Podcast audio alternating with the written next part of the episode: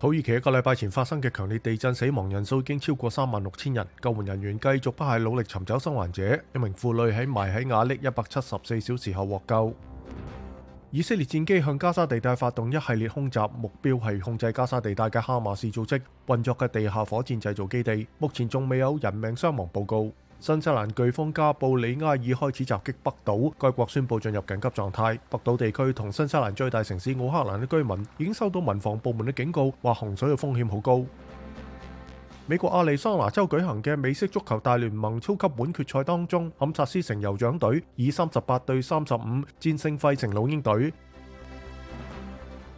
白宫星期一否认北京指称有关美国一直喺中国上空放气球嘅言论。中国星期一话，美国高空气球未经许可飞越中国领空超过十次。